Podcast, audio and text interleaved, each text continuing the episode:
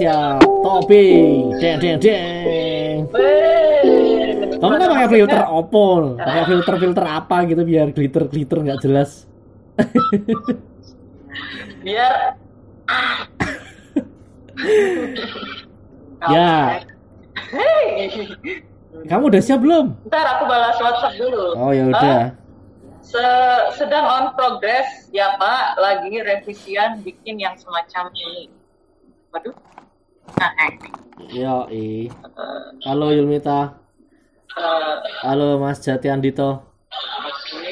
Selamat bergabung dalam selamat bergabung dalam channel sederhana ini. Ya, aku pertama kali ketemu sama aku cerita ketemu kamu pertama gak sih? Gak enak kayaknya. Pokoknya ketemu di Bandung. Terus jangan kita irung kutok. Aduh, enggak kita ketemu di Jakarta, terus di Bandung juga.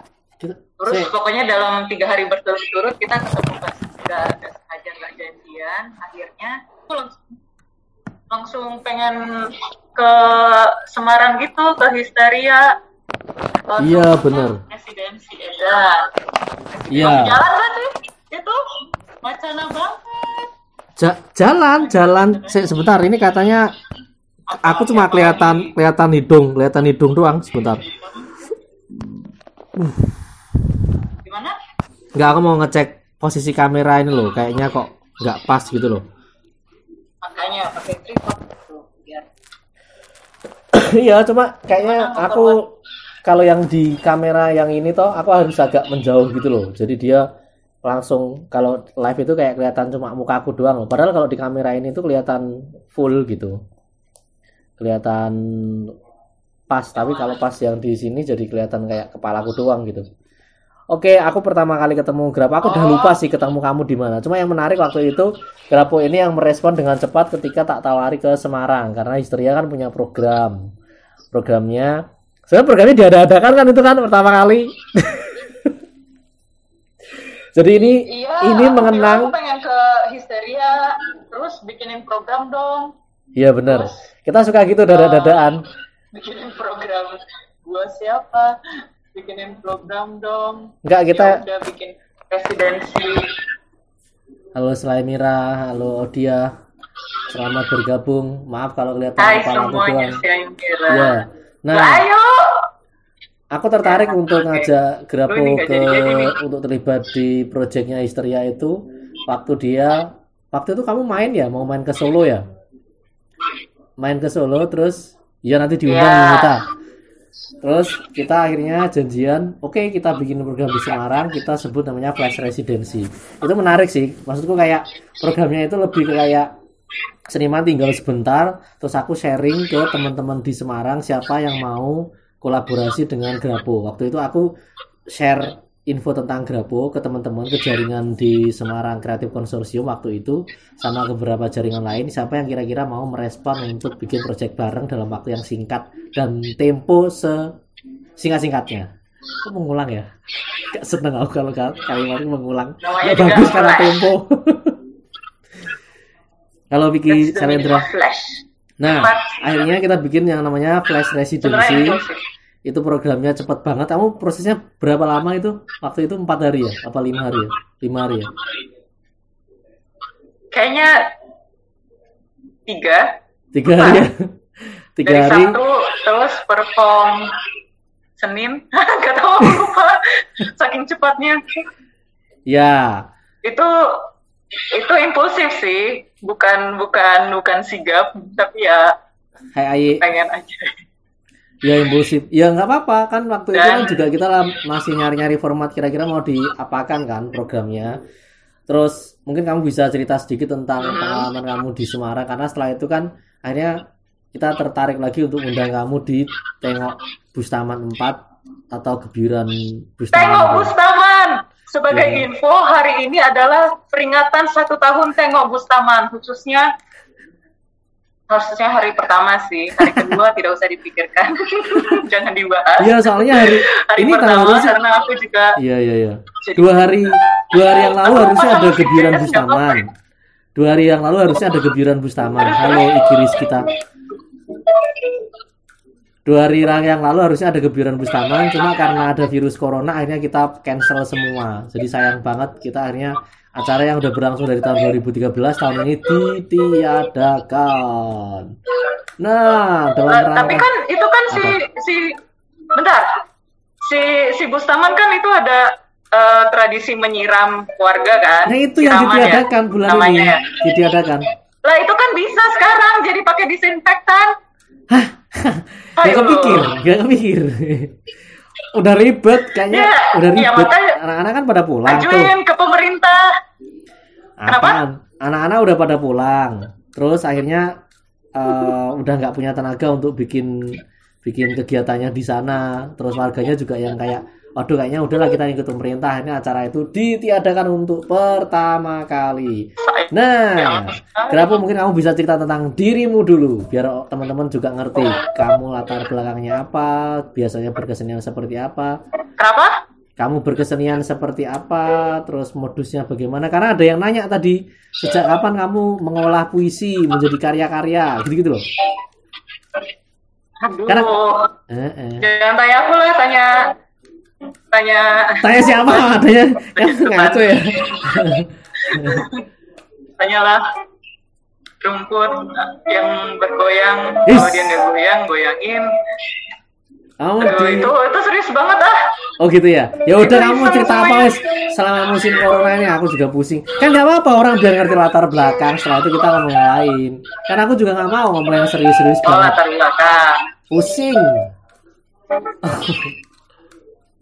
oh oke apa itu pertanyaan atau atau jawaban? Eh. Pertanyaan kamu cerita dulu. Ini Ah. gini gini gini terus nanti habis itu proyekmu yang terakhir sama sama Dipo Dipo Bongs itu kan lucu banget ya.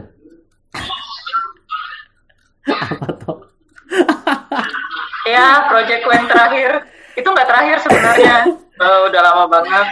Cuman baru di post karena kita tahu timing. Jadi itu pro- project sungguh terlalu itu udah setahun yang lalu kalau dari awal-awal terbentuk ya kan dir?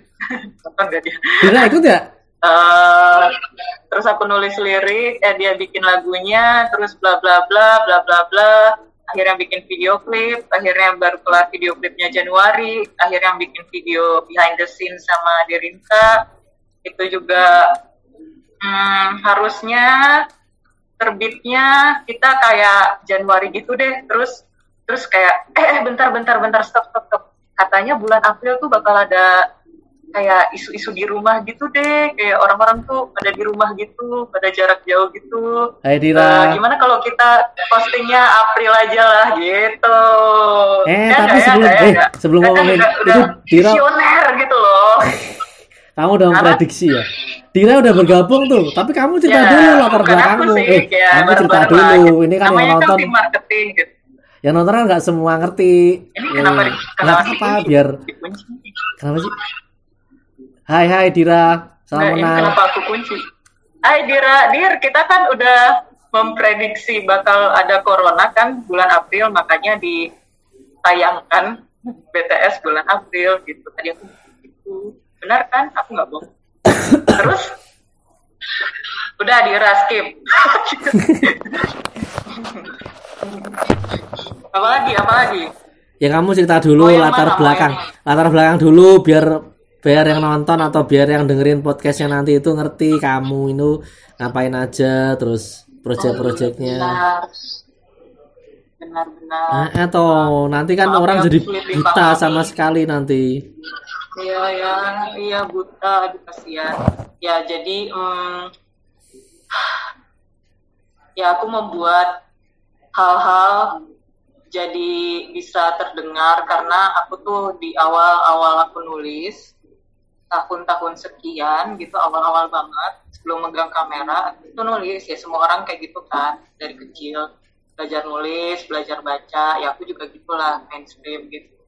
Jadi udah belajar nulis baca ya aku tulis tuh semua hal-hal gitu. Awal-awal mulai mulai rada-rada disimpan tuh pertulisan-pertulisan itu eh, kayaknya pas udah dewasa deh tahun 2010 Terus is- halo halo. Tes tes. Kedengeran nggak? Nah, nah, oke, oke, oke. Sip, sip, oke, oke. Ah, kampret. Gak tahu kenapa kayaknya ah, HP-nya kayaknya mungkin. Oke, terus lanjut lanjut. Tadi kamu katanya berpindah dari dunia desain grafis yang tidak terlalu menguntungkan. Ya. terlalu suram. dunia yang lebih tidak menguntungkan. Terus terus kamu terjebak di dunia seni-senian. Juga sih, gitu. Gak bisa ngeklaim itu kan. Baik. tapi ya itu. Tapi oke, itu itu bisa lah eh, jadi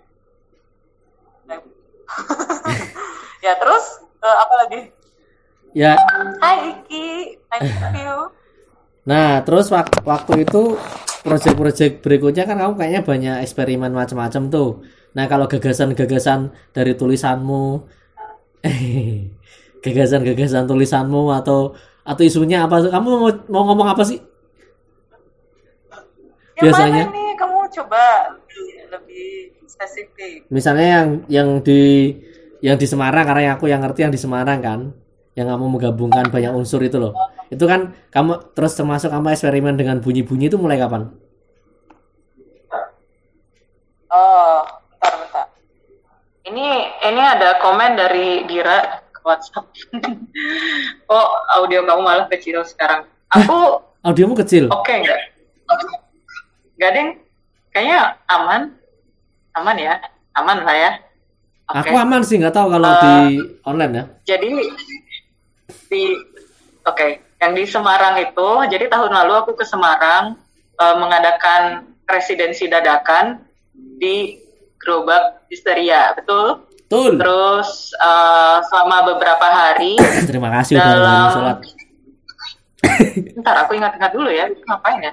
Oh jadi gini, em, dulu itu aku kepikiran untuk bikin album puisi, dulu sih sampai sekarang gitu, tapi belum belum belum terrealisasi secara bundelannya gitu belum jadi gitu. Tapi aku pengen eh, bikin trilogi album puisi yang depannya tuh adalah adalah adalah gitu. Jadi yang pertama itu adalah rumah, udah beres kegarap. Eh, kedua adalah waktu, eh, udah beres juga. Waktu itu eh, tahun lalu bikin pengennya bikin yang judulnya adalah hierarki. Terus eh, aku waktu sedang ke Semarang kebetulan belum kepikiran isinya tentang apa. Artinya belum aku, tulis secara nyata gitu, tulis di atas kertas. Karena kalau nulis puisi katanya harus di atas kertas. Oh, MUU gitu. Masa sih? Terus ya biasa gitu kalau puisi cuma kayak eh, selewat-selewat gitu ya belum sah gitu. Akhirnya eh, wah ketepatan ke Solo ya udah Haji mumpung nih karena dekat sama Semarang. Eh, kebetulan adalah hierarki itu pengennya eh, isinya tentang eh, proses nggak proses kreatif sih Adi. Aku nggak suka dengan istilah proses kreatif. Ya kamu ganti aja nggak apa-apa. Itu kan istilah-istilah lama. sorry sorry sorry dengan proses produksi gitu jadi kan karena berapa lama terlibat di Halo Ayos. eh, bikin-bikin entah bikin apa pun gitu bikin video bikin eh, desain bikin properti bikin ah ya ya hal-hal semacam itu jadi eh, inginnya menceritakan tentang produksi khususnya kamera karena yang tadi aku bilang eh, yaitu personal banget. Karena apa ya kalau aku dulu bilang tuh kamera emang jadi jadi kaca pembesar jadi mata kita gitu loh. Aku pengen cerita ke situ tentang itu. Dan kedua tentang eh, hal-hal yang berbau marketing. Artinya iklan proses bikin iklan agensi-agensian walaupun aku nggak lama di sana dan mungkin nggak nggak secara langsung gitu karena terlibat di eh, hal-hal periklanan juga waktu kuliah waktu eh, bikin lomba-lombaan gitu tentang iklan.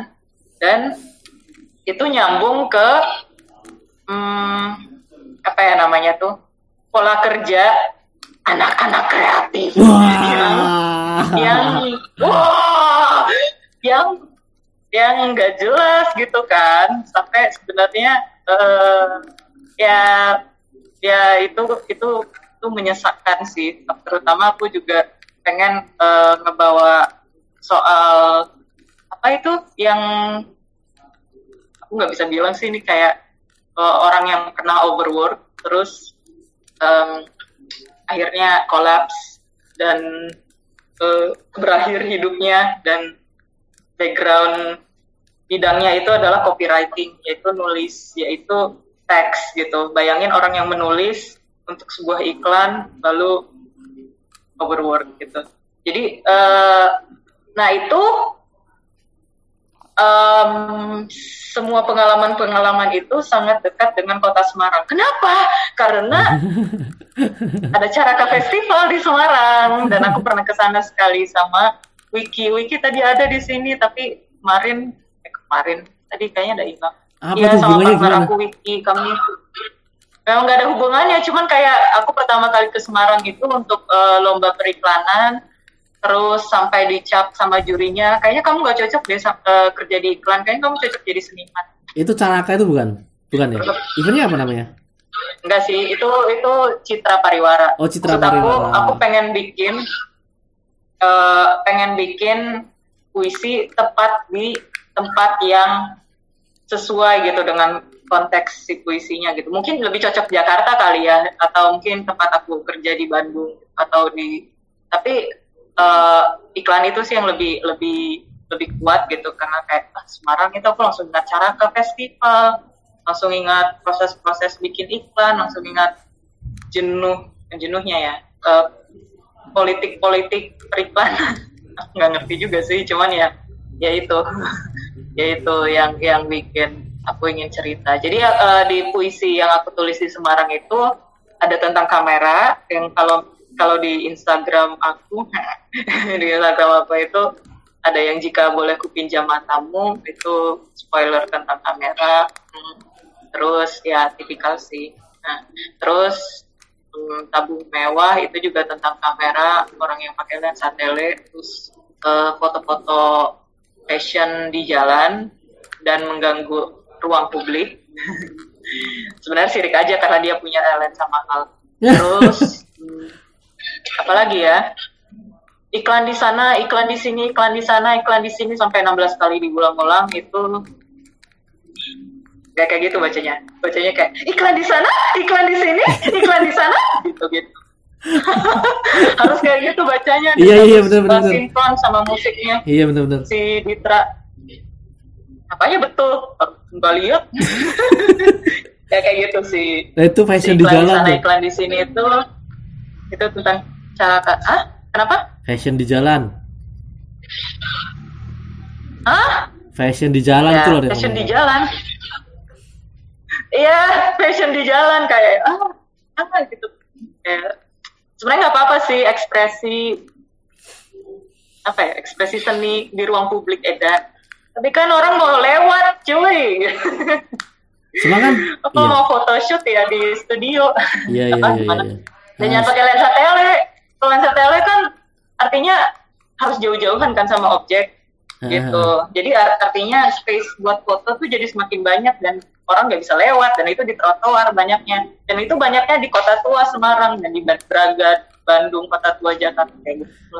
Cuman uh, pertama kali aku kesel itu sebelum jauh sebelum selfie uh, merebak di dunia ini gitu jadi jadi ketika turis-turis datang turis-turis Asia pada umumnya.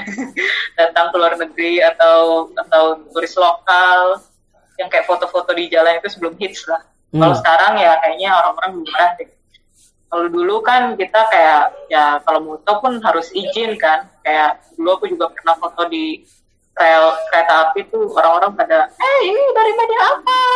Eh kayak gitu sih nanyanya eh ini dari media apa?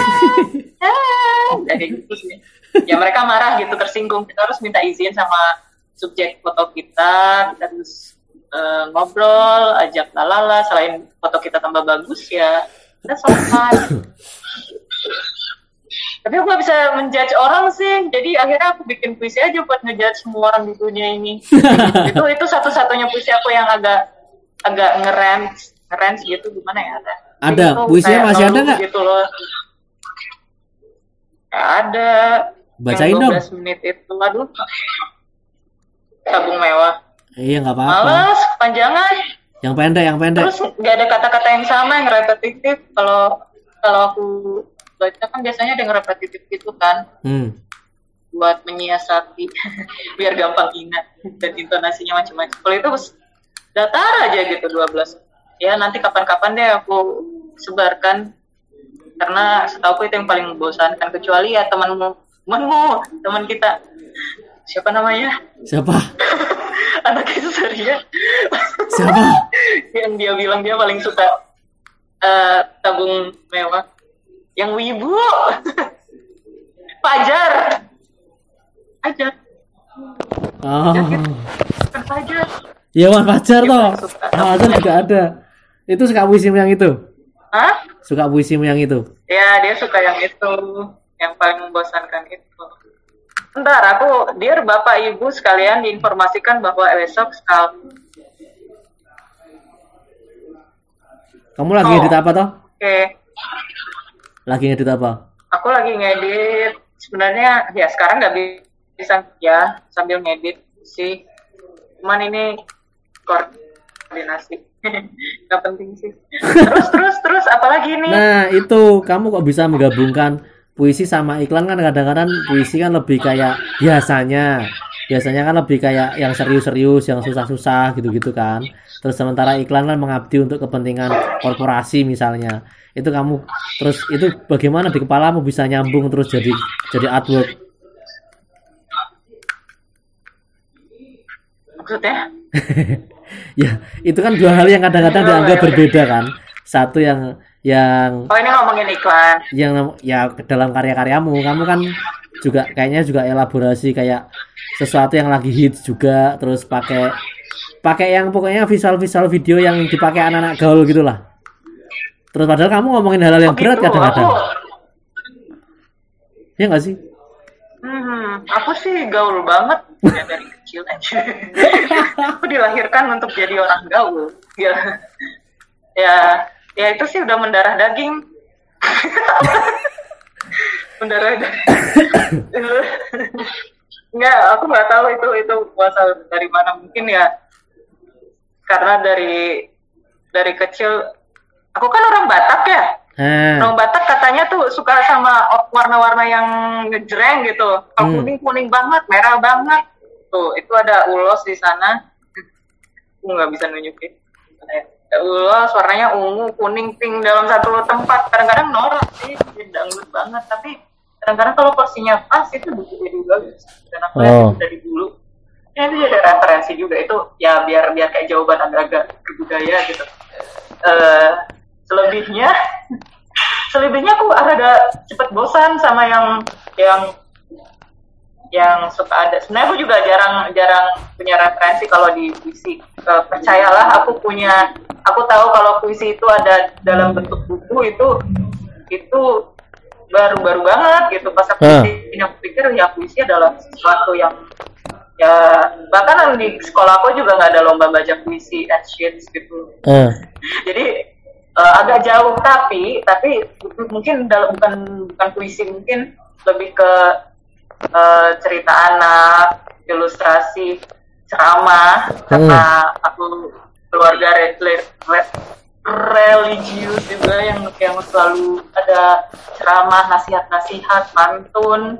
Pantun kayak istilah-istilah peribahasa itu adalah bahasa sehari-hari kalau di kampung gitu. Ah, kayak misalnya mamaku kalau mau ngomong jangan begadang itu apa ya lupa gitu. Pokoknya ada hubungannya dengan kertas dan eh, gelas yang kosong atau apalah gitu. Pokoknya intinya dia hanya ngomong jangan begadang nak gitu. Tapi dia bikin sebuah peribahasa. Itu by phone. Jadi eh, hal-hal yang sangat puitis itu bukan konsumsi. Kalau kata orang anak-anak senja atau yang terlalu terlalu akademis sorry aku nggak nggak nggak ingat cuman kayak eh, itu adalah adalah mungkin bagian dari eh, tatanan didikan dari kecil gitu loh ngobrol dengan bagus kayak aku suka dibilangin bakumen Apa? nggak sih atau eh bakumen Apa itu? orang yang sangat baku gitu Oh. kayak kayak apa ya kayak memakai kata lantas atau sehingga atau ya kata-kata formal semacam itu lah gitu. Nah, itu itu menyenangkan buat aku dan aku suka berbahasa formal dan mungkin itu di di Berbahasa apa? dengan kata-kata puitis Berbahasa apa? formal Formal, iya iya iya. formal Iya iya aku dengar dengar dengar. Nah itu di itu kan suka kepake tuh di bahasa yang rada-rada puitis, biasa esai, gitu. Oh itu. Nah. Jadi em, dan kalau misalnya di bidang korporasi ya email marketing, newsletter, terus proposal itu kan pakai kata-kata kayak gitu juga kan Ah. formal juga tapi agak-agak puitis juga supaya menambah nilai jual dan nilai engagement personal gitu jadi kita kayak bacanya "Uh, perusahaan ini baik sekali padaku. Ya udah deh aku kerja sama dengan dia. Menurut aku itu kepake banget di di segala bidang gitu. Gak cuman dunia sastra. Dan aku bahkan baru kenal banget nih ada ada dunia eh dunia dunia persastraan yang benar-benar eh, memfungsikan puisi sebagai sebuah entitas. Ya gitu kayak ya ya aku senang sih ada banyak banyak bidang yang bisa digarap. Hanya aku ambil jurusan multimedia. Apa? ya gitu. Jurusan? ya intinya multimedia. Hmm, Tapi kalau itu kamu aja sih. tapi kalau kamu sendiri? Tapi kalau kamu sendiri kecenderungannya itu kayak mau disebut sebagai apa gitu.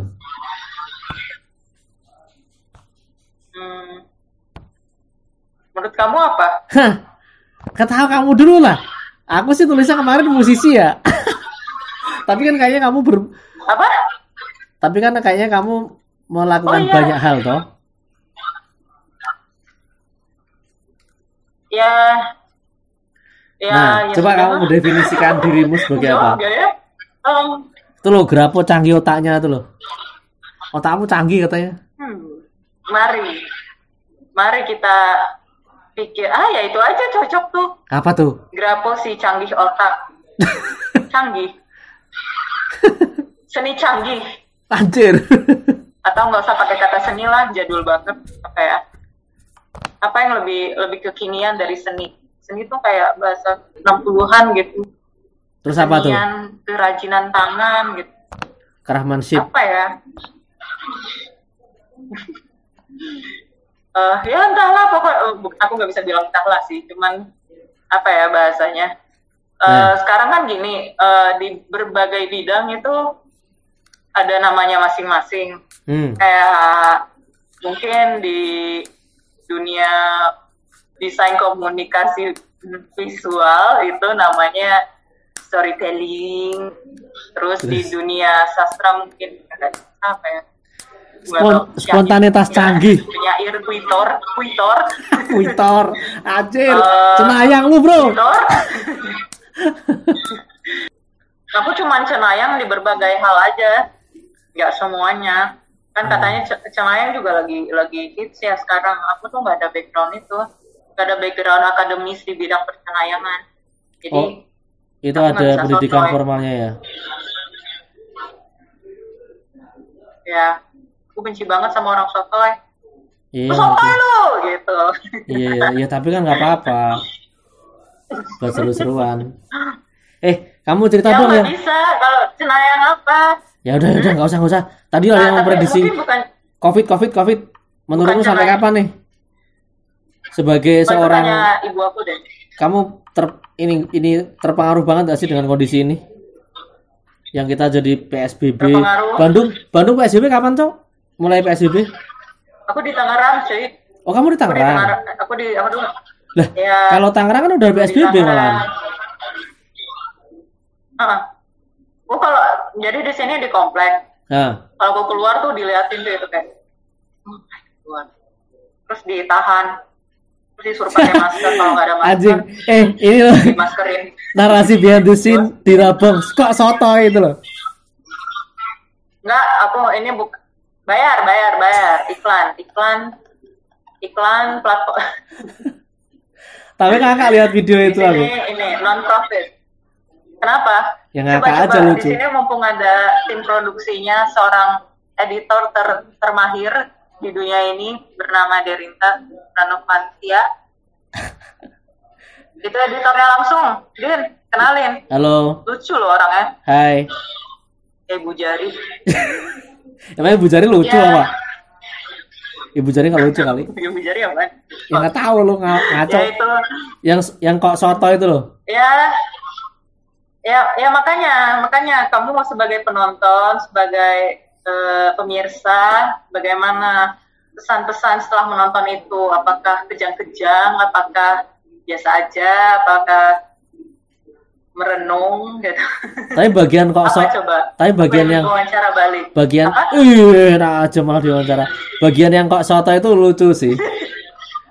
Nggak penting tapi anjir apaan sih ini? Eh, Kak satai.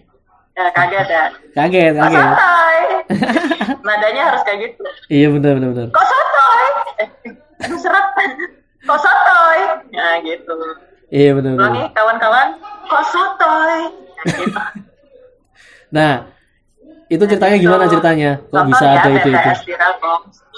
itu nggak ada cerita gue jadi kayak gitu itu itu ceritanya adalah behind the scene eh, video klip udah beres nah terus si si Derinta Derinta ini nyuruh nyuruh nyuruh nyuruh nyuruh nyuruh di kayaknya perlu ada komen dari editornya deh. Nah, maksudnya dia adalah editor terus mau ada komen dari editor video klipnya.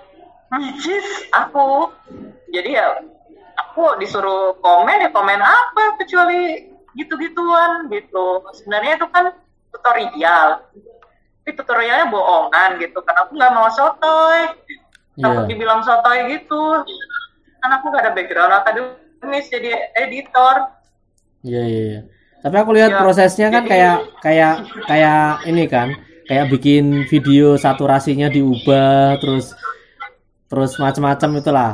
Kayak proses mentahnya itu diunggah gitu loh. Itu lucu banget sih buatku ya. Kayak apaan sih ini? nggak penting tapi oke deh.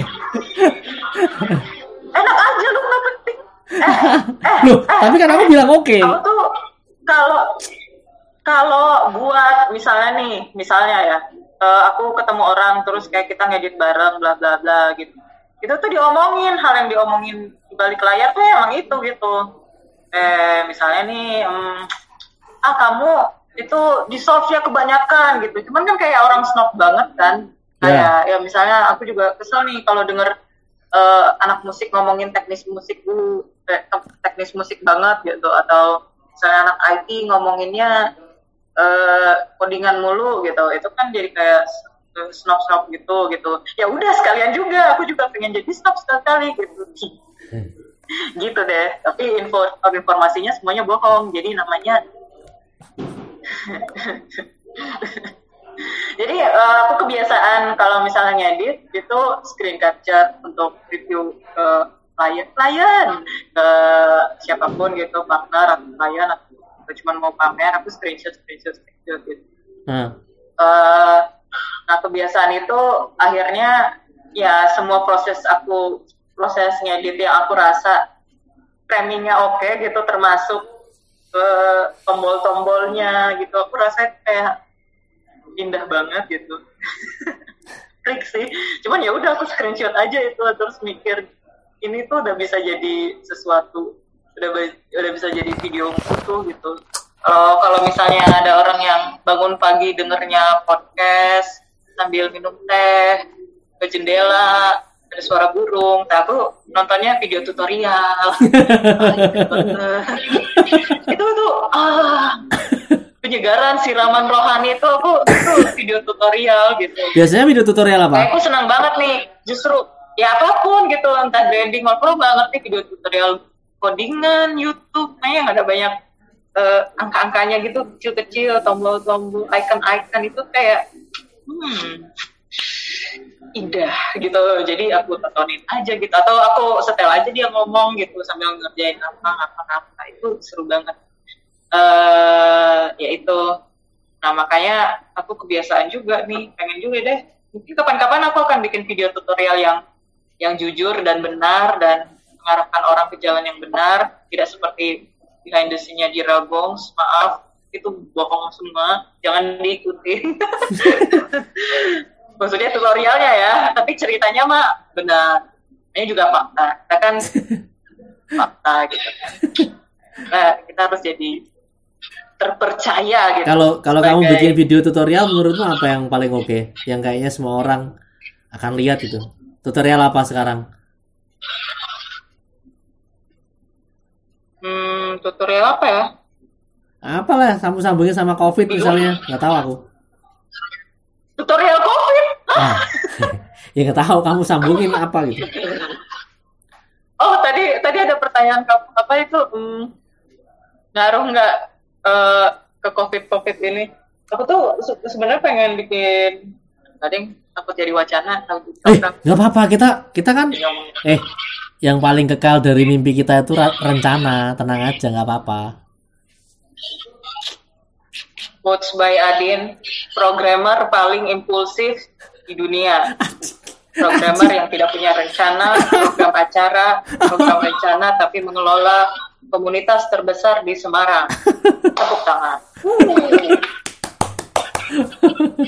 Aku tuh pernah nanya ini juga, kenapa sih dia bisa mengelola komunitas komunitas organisasi ya?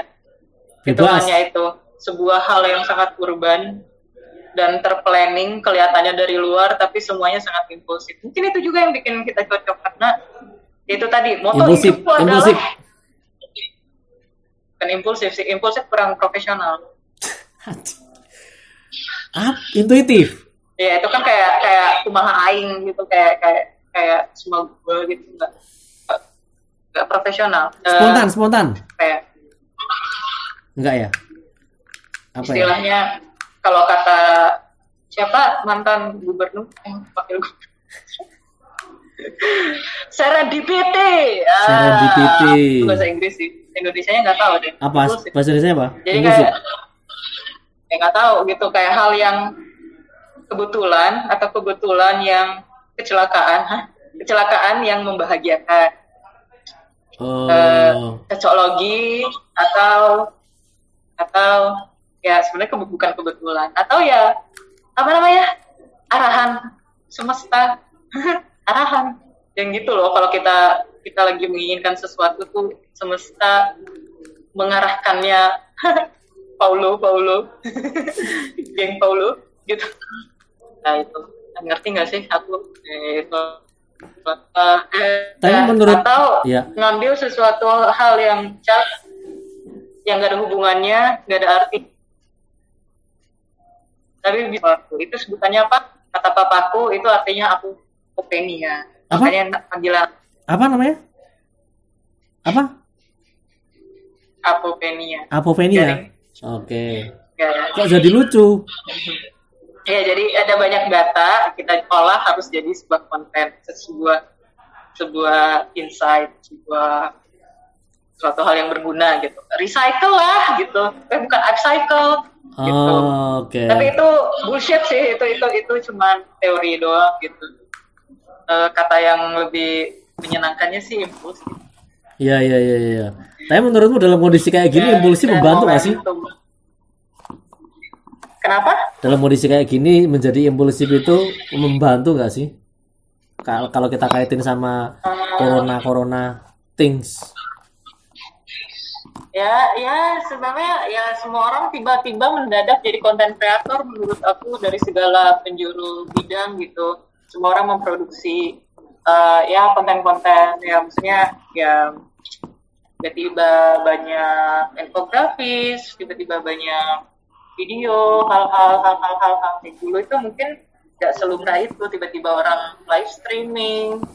Maksudnya ini dari bidang-bidang yang kita nggak nyangka gitu. Misalkan kayak serius lah gitu. Uh, agama atau uh, pemerintahan atau kedokteran tiba-tiba semua bidang jadi jadi sangat audio. Iya benar-benar. Bagus atau buruk? Buruk atau baik atau atau akan lebih banyak buruknya? harusnya sih tidak ada lagi semacam orang-orang kayak aku ini yang pengangguran. Apa hubungannya? Desainer, motion grafis, videographer, sekarang harusnya job jobnya harusnya makin tinggi menurut aku ya. Atau minimal momentum mereka untuk mengkreat Ya, sesuatu. Cuman cuman buruk, bukan buruk juga sih. Eh, hal yang anehnya adalah ya mungkin jadi latah gitu. aku aku ngomongnya gini banget ya. Jadi latah artinya ya sama Itu kayak kebiasaan, kita kebiasaan kamu. lain. Kamu kan selalu melihat pakai isu-isu yang lagi hits. Makanya sebetulnya siaran itu lebih kayak ngomong yang enteng-enteng aja daripada ngomongin yang konten yang serius sebetulnya. Karena aku juga bosen dengerin podcast-podcast yang serius-serius atau ngobrol-ngobrol yang sangat Iya. sistematik gitu. Nah, bukan serius sih, bagus sih. Maksudnya uh, juga banyak belajar justru ya. Cuman itu kita tahu hal-hal gitu. Kita mau ketemu orang juga susah atau kayak gimana. Ya, maksudnya salah satu akses kita jadi dipermudah. Cuman uh, harus pintar-pintar nyaring lagi gitu. Maksudnya menyaring dari konten yang bagus pun uh, ada banyak yang latah. Artinya ya kayak jualan isu doang, kayak uh, ya aji mumpung atau kayak ya semua dikait-kaitkan tiba-tiba betul nggak ada hubungannya. Nah maksudnya kita balik lagi kalau konten itu gitu. Kan ini terlepas dari hoax, hoax, hoax dan berita-berita yang gak penting lainnya gitu. Jadi ya um, ya ya gitulah. Ya gitu. Dan sedangkan maksudnya aku ya gitu. Oke. Tapi kalau kamu memprediksi, nih kalau kamu memprediksi, ini sampai kapan? Terus kira-kira kamu em, perlu nggak sih mempersiapkan sesuatu atau apa? Karena ada ada beberapa temenku yang merasa kayak aku sekarang kayak tinggal di dalam gua dan aku nyaman dan kayaknya akan keterusan dulu gitu.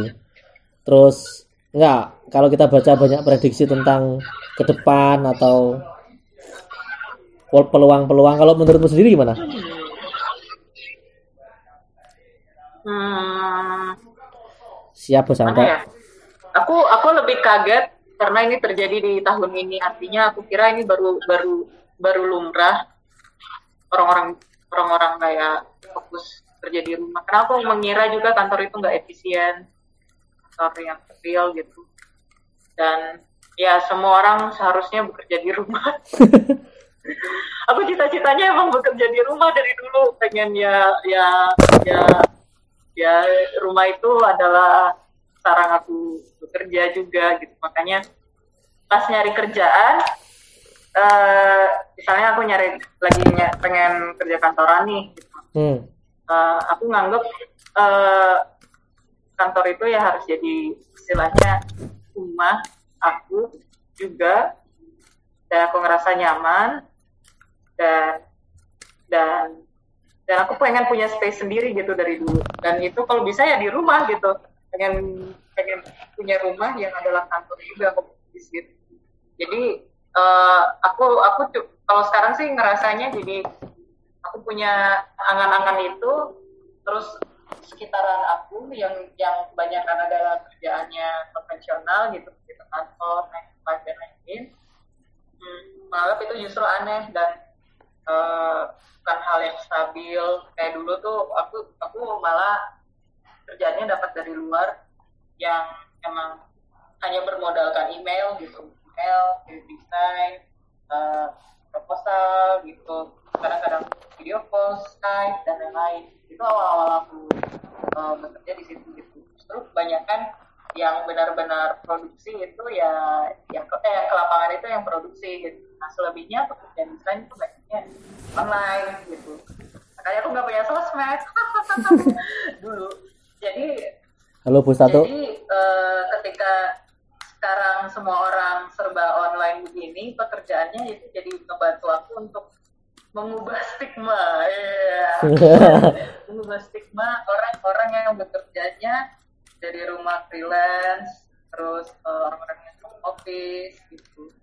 memangkas ongkos produksi sih sebenarnya tapi uh, kenyamanan juga gitu karena dari kecil juga aku dari kecil tuh aku pulang sekolah misalnya bikin komik gitu.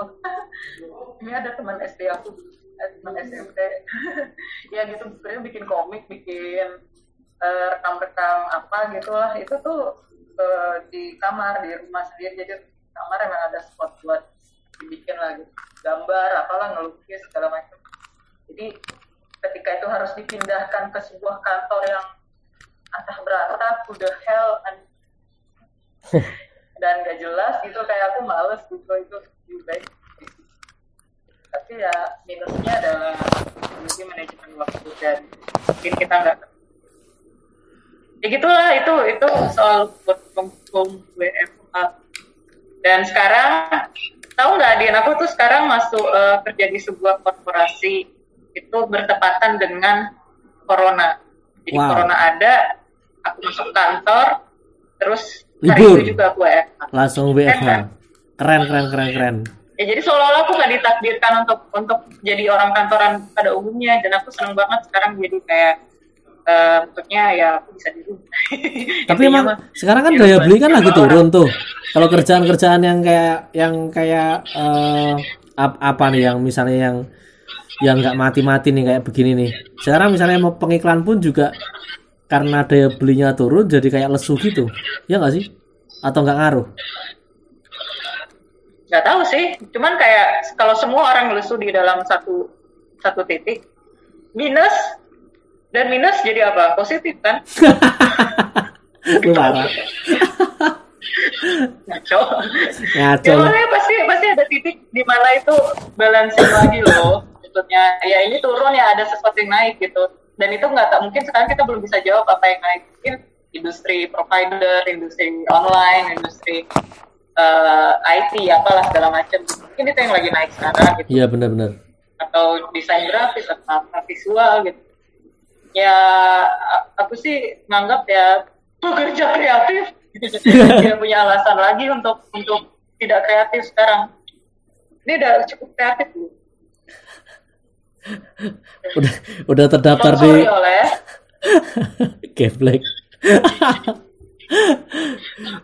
Kamu udah ter terdaftar di Prasejahtera belum? Eh prakerja kartu kartu prakerja.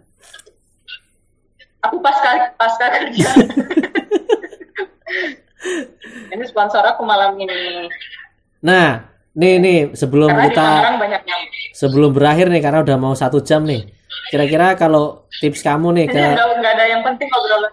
Nggak apa-apa, nggak apa-apa. Yang penting kan killing time dulu. Kita kan format sambil nyari. Aku biasa loh bikin program toh, ketemu formatnya setelah 5, 8 kali atau 10 kali baru ketemu yang awal dan itu yang membuat masukku itu yang membuat uh, modus-modusnya misalnya histeria berjalan gitu jadi bukan sesuatu yang didefinisikan sejak awal ada juga yang seperti itu tapi banyak sesuatu yang dimulai dari impulsif gitu. kayak impulsif gitu loh. Hmm. dan nanti sambil pelan-pelan terus hmm, akhirnya nemu polanya. Oh kalau satu jam nanti kira-kira yang diomongin ini bahannya ini yang yang mencairkan ini yang apa ini. Jadi kalau sekarang masih agak ngaco-ngaco ya nggak apa juga. Orang kita juga namanya justru ini. Benar ini udah benar. Nah kalau menurutmu nih? ya kalau kamu sendiri uh, membunuh waktunya gimana tuh killing time? Karena kan kita jadi waktunya itu jadi sangat panjang kayaknya. Ya kan? Kamu jangan bahas soal waktu deh sama wah gimana nih? Apa kamu kamu punya kamu kan punya adalah waktu. Jadi apa tuh? waktu itu apa tuh? Lu ngomongnya agak dalam lah habis ini. Ngomong agak dalam adalah waktu katamu sesuai puisimu. Apa tuh? Eh, Gagasannya apa tuh? Adalah waktu. Aku di sini soal deadline weh gitu. Tentang deadline uh, um, waktu ya. Aku ngabisin waktu di depan layar komputer yang ada dua. aku kayak kanan kiri gitu. Kayaknya gitu sih. Banyak kan. Apa? Apa? Dan apa? waktunya nggak mati-mati walaupun mau killing time juga. Nggak habis-habis kayaknya dia nyawanya ada 100 nggak mati-mati kayak gitu.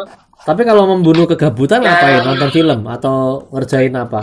Kalau gabut banget terus. Sempet cuy. Apa? ini ini waktu pertama aku bisa ngobrol yang- yang kontennya ya agak nyantai lah gitu. Dari ya mungkin seminggu dua minggu terakhir gitu. Seriusan sampai malam pakai meja ya gitu maksudnya ya aku nggak enak juga sih tapi oke it's fine. Oke. Eh, ya gitu jadi maksud aku Maksud, apa maksud kamu apa? Maksud kamu apa? aku killing time-nya dengan berusaha ngejar deadline gitu. Ini nggak Ngeri. nyombong ya, tapi tapi eh Dari aku sirik sih itu. sama orang-orang yang punya yang punya yang kayak bilang eh ya kayak kamu bilang killing time dan segala macam karena karena pengen punya waktu kayak gitu lagi. Tapi tapi nggak apa-apa ini ini termasuk sebuah sebuah dedikasi mungkin ya karena karena beberapa keluarga aku misalnya juga eh, jam kerjanya makin tinggi justru eh, di masa-masa pandemi ini gitu. Ada yang dokter beberapa ada yang eh, kerja bank yang emang emang yang justru makin padat gitu. Jadi kita kita yang yang agak-agak nyantai ini ya ya cari kesibukan aja. Gitu. walaupun walaupun nggak tahu. Maksudnya ya walaupun ini kan gini nih kayak kerjaan makin banyak, deadline makin banyak, tapi kan belum tentu tuh pendapatan makin banyak kan, karena semuanya lagi turun bilang tadi gitu. Jadi itu itu dia yang harus di, di dicari tahu eh, titik keseimbangannya di mana. Aduh, ngomongin apa sih? Disuruh main sama anjing lo. main sama anjing kamu Nah, anjing aku juga stres sih dia enggak enggak enggak dia sehat kok baru jadian sama kucing Anjing aja memberontak. cinta beda spesies Ya udah ada yang mau nanya nggak ini? Kalau nggak ada yang mau nanya Kayaknya kita nggak tutup ini. Kenapa? Orang nggak peduli? Nggak apa-apa. Kayak kayak kita peduli aja sama orang. tuh tuh tips dan trik mencari Tips dan trik jodoh saat jodoh karantina corona. Udah tuh. Jawabin tuh itu pertanyaan pertama dan terakhir. Kita tutup habis ini. oke jodohnya nyari kamu enggak kalau enggak nggak usah nggak usah nggak usah ikut campur Aplikasi aplikasi date masih Oke. berfungsi nggak sih begini nih?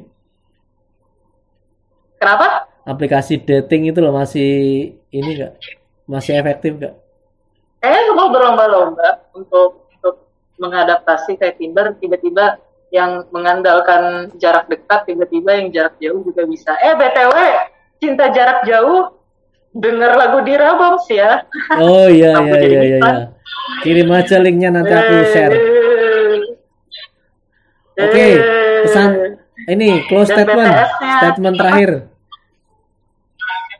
Apa pun dari Statement. dari bahan dari bahan yang kita omongkan dari proses kamu, terus ngomongin soal ide-ide yang latar belakangi karya, sampai tips-tips kira-kira apa yang mau disampaikan nih ke orang-orang nih untuk masa jangan mengeluh jangan jangan jangan mengeluh anjing. apa pun jangan mengeluh kalau mau bikin karya jangan mengeluh karena mengeluh lebih lebih parah efeknya daripada virus corona.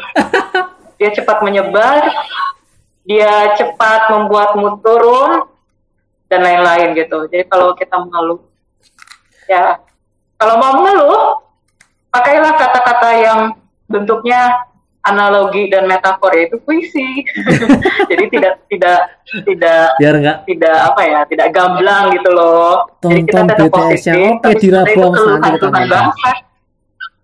disuruh nonton BTS. Ada gara penyanyi. nah yang gini-gini nih aku nggak suka nih iklan terus iklan mulu kirimin ininya, Waduh. kirimin linknya, Dira, Dira kirim linknya ke inbox nanti biar aku lihat. kirim link di sini bisa Nggak bisa Aku sih. takut nih DM DM. deh. Oke, Grapo Ya, terima ya, ya, kasih sudah bergabung malam ini dan teman-teman yang sudah menyimak omongan ngalor ngidul kita. Jadi nanti kita akan ada siaran lagi. ya Ya kan udah satu jam lebih. Nanti kalau kelamaan bosan orang-orang, kitanya juga udah mampus mati gaya nggak ada bahan. Jadi nanti dalam waktu Magai, dekat, magai, Kamis, magai. eh, Jumat kami ada nanti kita ngundang ada teman dari eh, traveler si Guri Ridola langkah jauh Instagramnya dia udah lumayan ke mana-mana dan nanti Sabtunya ada eh, si siapa? Ajeng dari Ruang Rupa yang akan cerita tentang dokumenta.